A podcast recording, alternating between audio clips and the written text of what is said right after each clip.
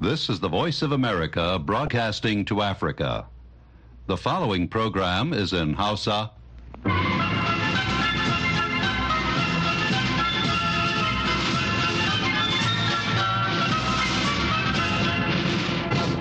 Sashen Hausa na murya Amurka ke magana daga nan birnin Washington DC.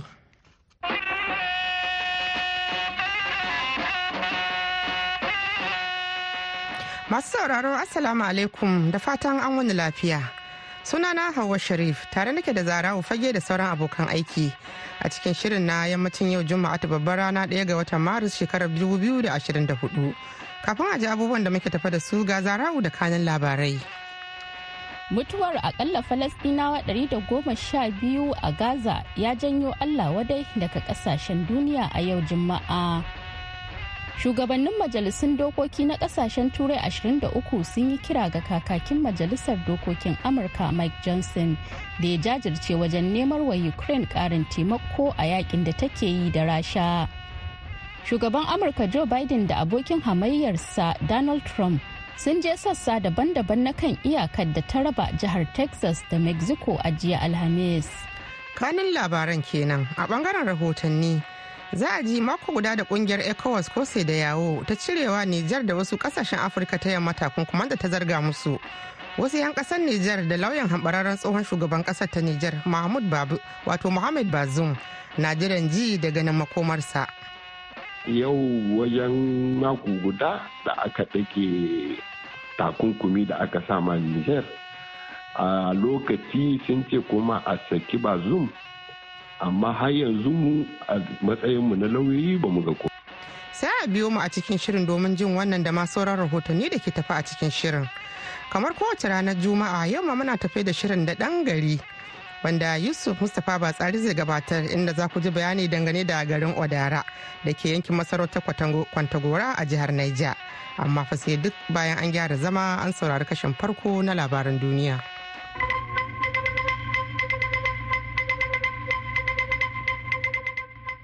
Jama'a masu sauraron mu assalamu alaikum barkanmu da wannan lokaci.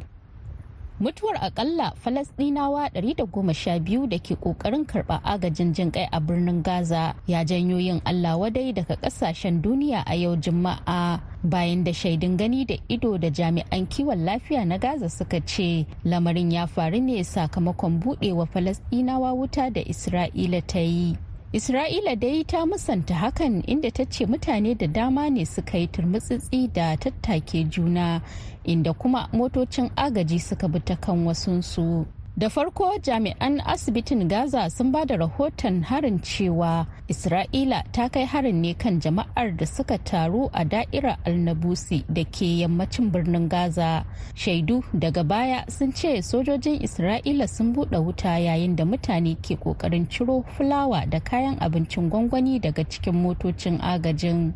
Da farko dai jami'an isra'ila sun amince da cewa sojojinsu sun buɗe wuta. Suna masu cewa sun yi hakan ne saboda a tunaninsu mutanen da ke garzayawa zuwa motocin agaji wata barazana ce.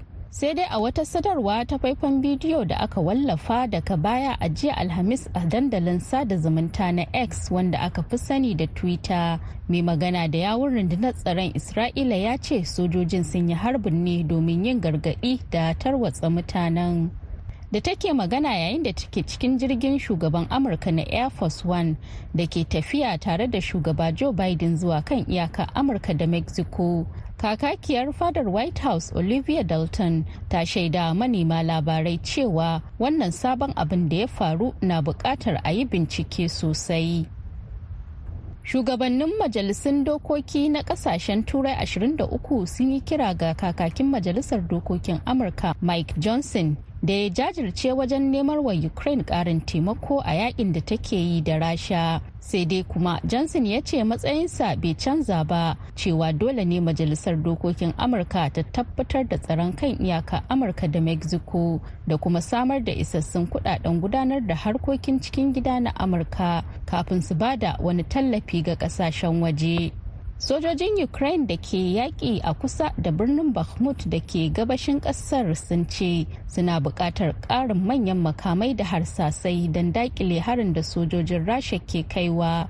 Akan haka ne shugabannin majalisun dokokin turai 23 da suka hada da ukraine jamus austria chechia lithuania estonia latvia spain faransa da poland suke wannan kira kai tsaye ga kakakin majalisar wakilan amurka. Don samar da tallafi ga rundunar sojin ukraine don ta samu ƙarfin yakar rasha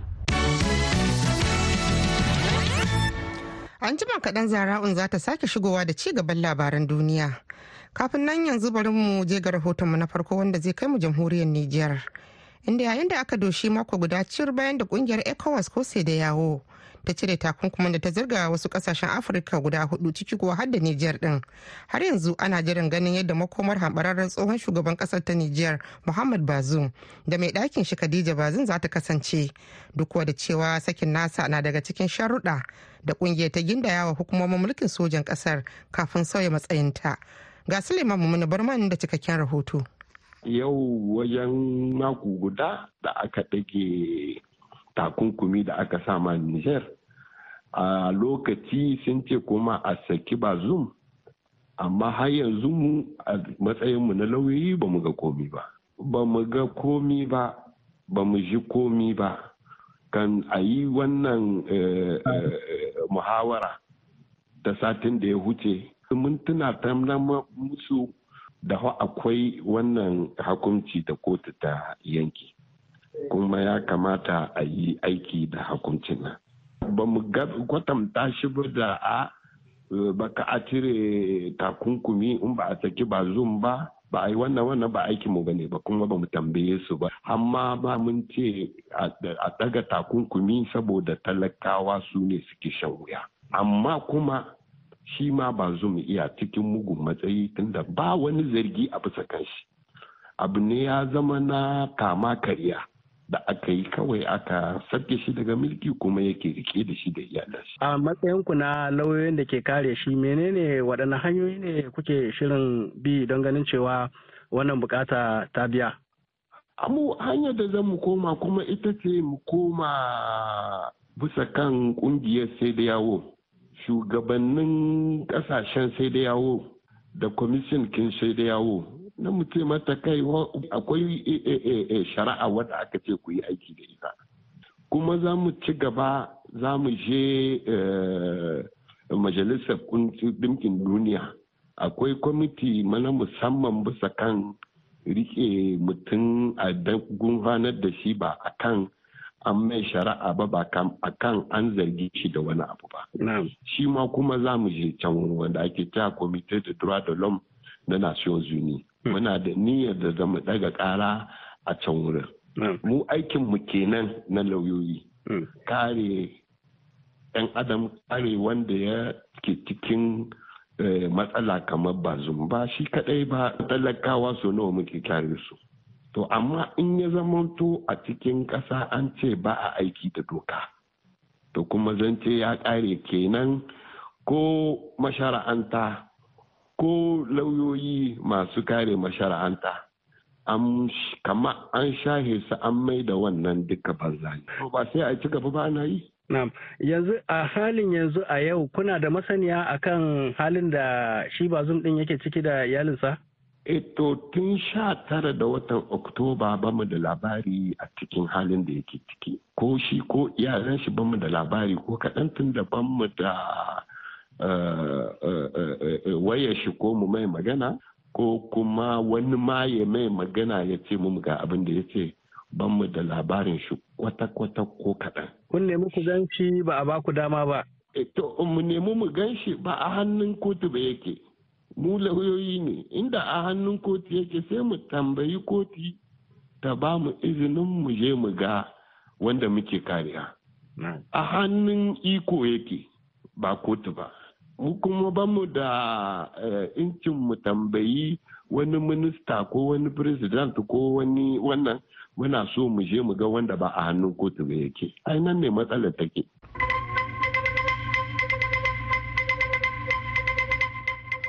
An gaida Suleiman Muni Barma masu sauraro ana tare ne da sashen Hausa na murya Amurka a birnin Washington DC kai tsaye. Za kuma iya sauraron shirye-shiryenmu da suka gabata a shafukanmu na yanar sadarwar Facebook, Twitter da Instagram. Yanzu ga zara'un ta dawo da kashe na biyu na labaran duniya. Shugaban amurka joe biden da babban abokin hamayyarsa tsohon shugaban amurka donald trump sun je sassa daban-daban na kan iyakar da ta raba jihar texas da mexico a jiya alhamis. Dukkansu sun isa yankin ne don jawo hankali akan karuwar bakin haure da ke neman shiga amurka. Amma sakonninsu sun bambanta da juna kuma sun nuna yadda 'yan jam'iyyun democrat da republican ke kallon wannan lamari mai muhimmanci a batu na zaɓen bana. Abu ɗaya da abokan hamayyar suka amince da shi cewa matsalar yawaitar bakin haure na baya-bayan nan da ke tsallaka iyakar ƙasar wani abin damuwa ne sosai kuma ƙalubale. A garin brownsville biden ya yi magana a game da dokar shige da fice wanda 'yan jam'iyyar republican ke adawa da ita. Yayin da trump ya bayyana lamarin a matsayin yaƙi kuma ya ce manufofin biden ne suka buɗe ƙofa ga dubban bakin haure da ke shigowa amurka har suna zama masu aikata laifuka. 'yan uwa da magoya bayan hamshakin jikon adawa na rasha alexei navalny na yin bankwana da madugun 'yan adawar a jana'izarsa da aka yi a yau juma'a a kudu maso gabashin moscow biyu bayan cece kucen da ya barke akan maganar sakin gawarsa bayan mutuwarsa. Magoya bayansa sun ce majami'u da dama a moscow sun ki amincewa su gudanar da jana'izarsa kafin daga baya wata coci da ke gundumar mariono babban birnin ƙasar ta yadda ta yi mishi jana'iza a garin inda ya taba zama kafin a sanya masa guba a shekarar 2020 kafin ya koma rasha.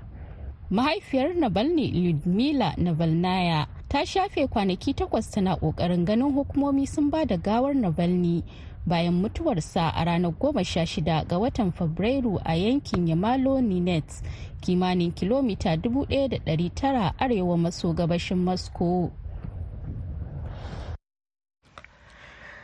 Labaran duniya aka saurara daga nan sashen hausa na murya amurka a birnin washington dc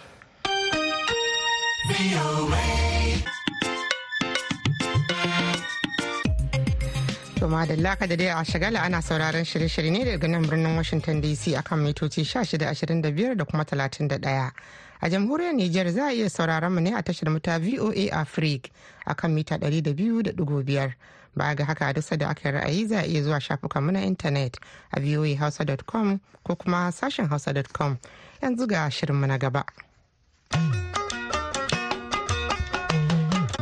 Masu sauraron sashen Hausa na muryar Amurka, Assalamu alaikum. Barkanmu da arzikin sake kasancewa da ku a cikin shirin da ɗan gari. Shirin haɗin gwiwa wanda sashen Hausa na muryar Amurka ke gabatar muku. Sunana Yusuf Mustapha Batsari da zan kasance da ku a cikin shirin.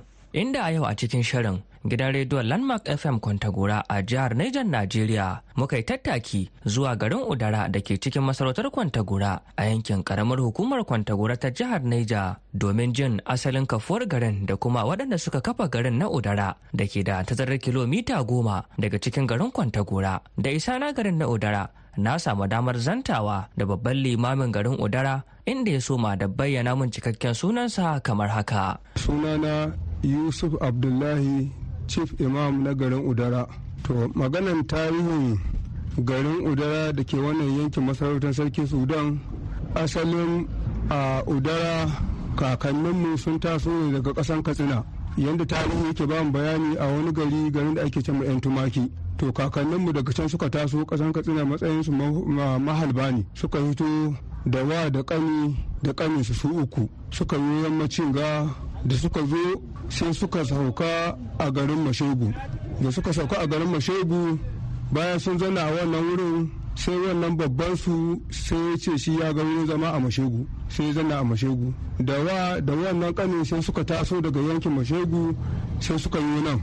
Da suka zo nan shi ƙaramin su sai ya tsaya a garin ucu shi kuma ya ce ya ga wurin zama nan. To sai shi wannan ƙaramin sai ya tsaya na a garin farin shinge ya kawo garin ucu shi kuma wannan da ke bin wancan na mashegu sai ya zo nan sai kawo garin udara. To asalin waɗannan kakanni namu su suka fito daga katsina yankin da ake ce yan tumaki suka zo nan suka kawo waɗannan garuruwa guda uku wanda yake waɗannan wa da ƙani ne dukkan su ɗaya ubansu ɗaya. Su suka zo suka kawo waɗannan garuruwa guda uku. Yanzu a kiyarci iya cewa garin udara ya ɗau shekaru kamar nawa? To asalin garin udara lalle ko da udara ta zo suka sauka na suka kafa wannan gari gaskiya babu wani babban gari nan sai ƙasar yahuri asali yadda muka samu. Saboda haka shekarun gari kahuwan garin udara a kiyasi ya haura mu shekara uku. A kahuwan garin udara. Shin ko akwai wasu abubuwa da wannan gari ko yance wanda masarauta take yi na ganin farfado da al'adu la'akari da cewa kowane yanki za ga akwai al'adun da yake rikewa domin misali 'yan baya su daura ko kuma su riƙe su can cewa eh lallai muna da wani al'ada a garinmu da muke yi wataƙila ko bukukuwa duk shekara. Me za ka yi karin bayani a kai? To game da al'adu wanda muke yi lalle al'ada dai bai wuce kamar gayya da ake yi zamanin da ba. Gayya ana haɗuwa a yi gayya kuma a ta kiɗi ke wanda ake cewa kiɗin noma wanda yake basawa sun gaji wannan abin ne. Yana haɗa kan mu mutanen gari.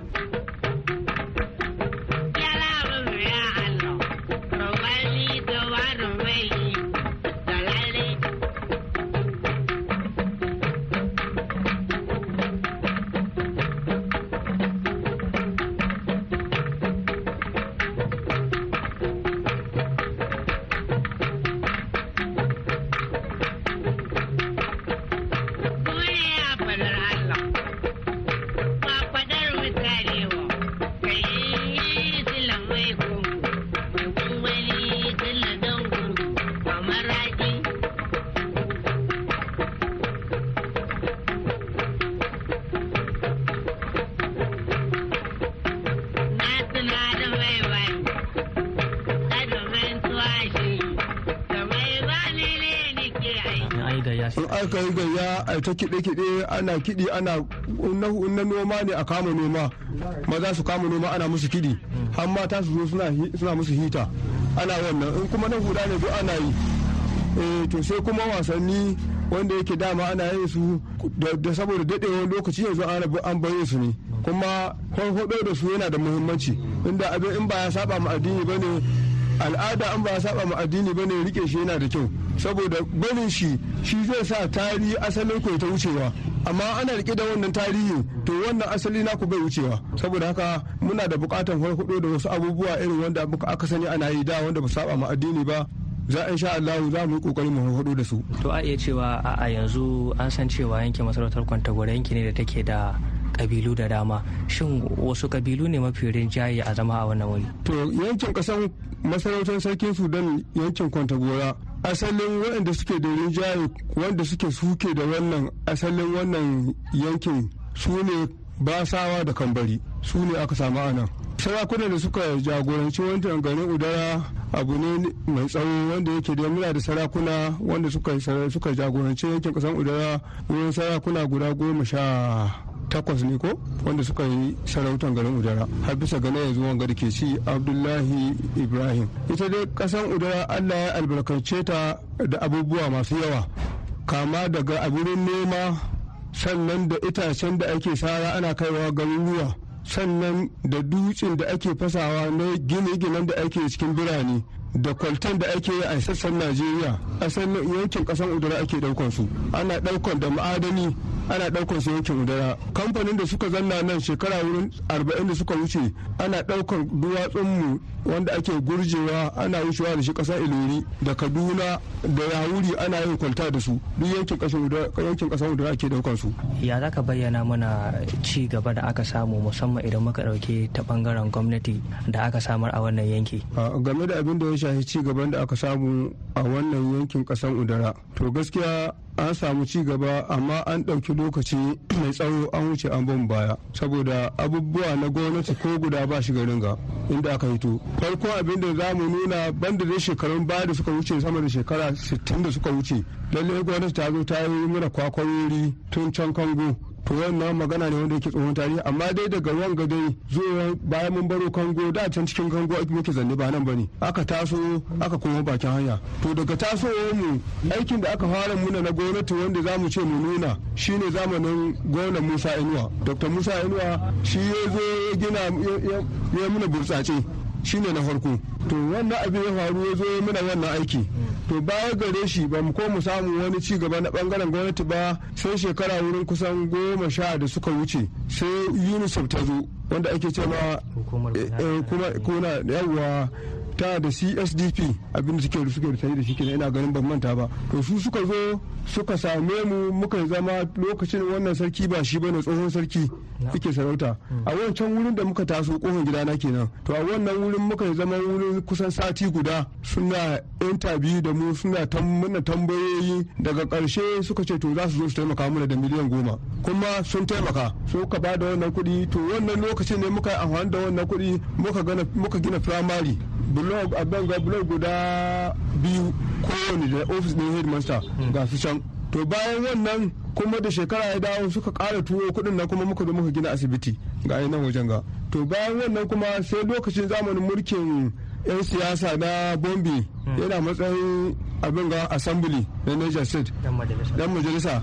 Ya zo ya yi mana bulo guda shi kuma bulo guda yana nan. Shi ma azuzuwa da ofis na na headmaster. Yana nan kaga ya abu uku kenan wanda za mu fuskanta wanda yake gwamnati ta yi mana ta ɓangaren gwamnati. To baya gare su sai abubuwan da suke ga su kamar sola to wannan an kawo mana su ga ma guda an kawo mana guda biyar ko shidda. Guda na shiddan da shine farkon kawo an cire shi aka kawo guda biyar. Yanzu su suke muke amfani da sunan a cikin gari. To za a iya cewa me mafi gaba a kalubalen da kuke fuskanta a wannan gari na odara? Yanzu kalubalen da ke gaban mu a gaskiya mu abin da muke so in za in so samu ne muna buƙatar a saukan muna da wuta nan na nefa tsawon wannan lokaci duk ba ku da wuta? Tun da aka hito tun lokacin nan wanda ke kantoma wanda ake ci mutumin can na rahin gora korau. Mun yi tawaga muka cika mota biyu muka je sakatariya muka same su muka gabatar da kanmu suka yi alkawari shi ma karan kanshi ya zo garin ga. To har yanzu ga babu bayani komi. Saboda haka abin da kalubalen da ke garin mu a wannan gari na udara a halin gaskiya mu abin da muke so a sauke mana da wutan nefa shi ke gaban mu. Ga wuta nan masuga shekara kusan fiye da goma amma ba karkar kawo shi nan ba. Matsalar ruwan sha a can ainihi da dai yankin udara in ana neman ruwa na ƙwarai an zo nan. Ruwa masu daɗin sha daga wasu hakwanta guda aka zo na ɗibi ruwa. Musamman wanga ruwan wanga burtsatse da wani muka ce za mu musa inuwa yayi to burtsatsen nan bai da canji ta nan samu kamar shi da wuya. Saboda kyawun shi wasu ma daga mota za su zo su ɗibi ruwan su koma da shi cikin kwanda gora kamar yankin masu gudu suna zuwa su ɗiba. To amma wannan ruwan ya gaba ɗaya burtsatse ya lalace. Irin su sani black wanda ke matsayin dan majalisa yanzu ga ya zo ya ba da gudunmawar shi kuma da abin ya koma ƙasa. Magani annabin Allah na magani talakawa ma na magani kaga don tilar makula da su. Tun da jirgin birnin Yamani, shi jirgin birnin Ingila, to ja kaɗa da Italiya in yi ɗan kuka ya kajiya. Bakin wallai dangana motocin talakawa suna tsaye tun da kayan su ne ke saya yau idan talaka ba sai kaga kayan sai ya rufe a nan. Jirgin sama mai rigugin tsiyaka ga shi ma ba zai tashi ba to idan talaka ba ya shiga. Shin jirgin ƙasa kajiya dan talakawa an kai dama su ne ke shiga. Sannan zai dawo da su sannan su ne za ya kai sannan zai dawo da su. Mutukar talaka ba ya shiga kaga jirgin ba zai tashi ba. Zan muku gargaɗi gwamnatin wani in ba na ku ba ai yana da wuya ta kula da ku. Wannan mota ce kasa in ba hanya za ka yi. Don haka gwamnati ta tuna ta yi kwalta ma keke a ƙauye da cikin binne gari motocin talakawa don su hau. Mutukar in ba kan lafiya je ka ka sha'o magani Allah na ma magani kaga gwamnati na ma magani.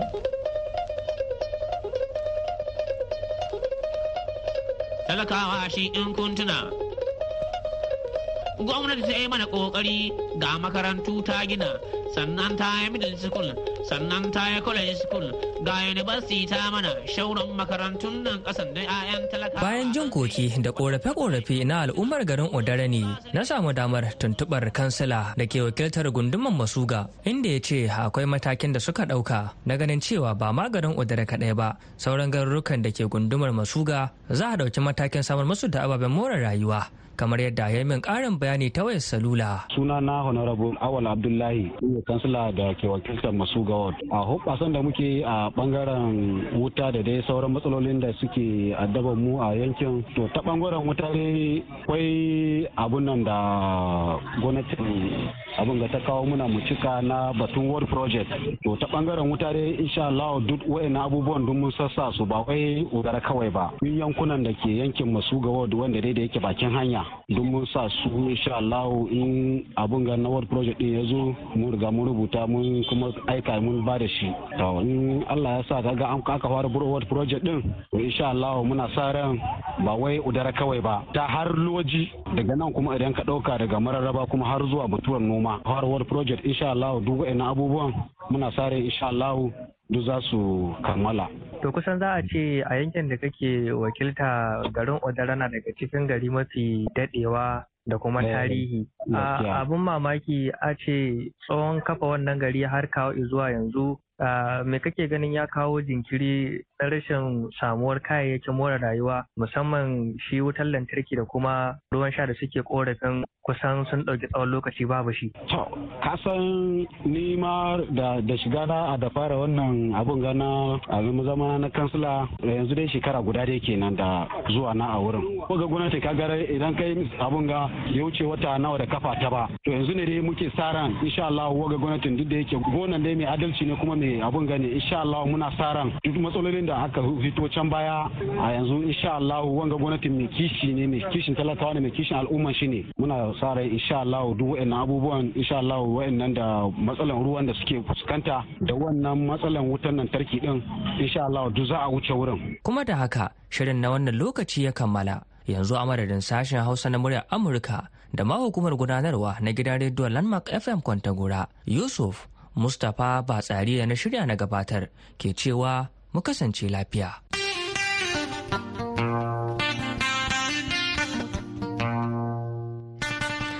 To madalla shirin ɗan gari kenan aka saurara yanzu kuma mun zo ga gaba ta ƙarshe a shirin wato labarai a taƙaice.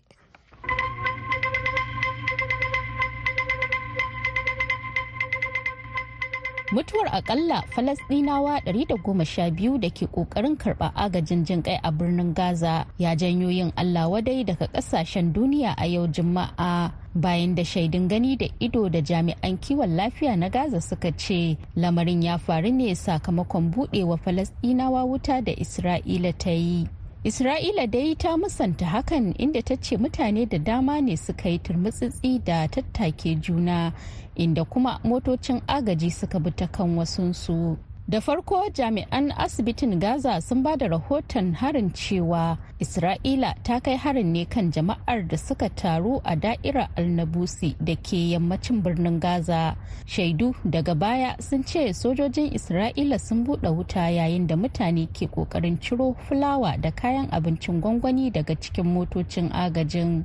Da farko dai jami'an isra'ila sun amince da cewa sojojinsu sun buɗe wuta. Suna masu cewa sun yi hakan ne saboda a tunaninsu mutanen da ke garzayawa zuwa motocin agaji wata barazana ce. Sai dai a wata sadarwa ta faifan bidiyo da aka wallafa daga baya a jiya alhamis a dandalin sada zumunta na x wanda aka fi sani da twitter. Mai magana da yawun rundunar tsaron isra'ila ya ce sojojin sun yi harbin ne domin yin gargaɗi da tarwatsa mutanen. To masu sauraro da haka kuma ka kaga ƙarshen shirin na yanzu. Sai kuma idan Allah ya kai mu da dare wato tara da rabi agogon Najeriya Nijar kamar da Chadi wanda zai daidai da ƙarfe takwas da rabi agogon GMT da Ghana. Za a ji mu ɗauke da wani sabon shirin. Sai dai kafin mu naɗe tabar shirin baki ɗaya muna mika saƙon tayin murna ga iyalai 'yan uwa da Dr. Ladan Salihu tsohon darakta jiran na hukumar rediyo tarayyar Najeriya FRCM bisa sarautar bardan yamman Bauchi na farko da mai martaba sarkin bauchi zai naɗa shi a gobe asabar biyu ga watan maris a fadar sarkin bauchin idan allah ya kai mu.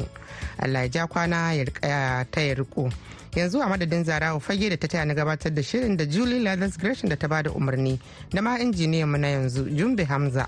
Hawa sharif ke muku fatan alheri daga nan washington dc sai an ji ku.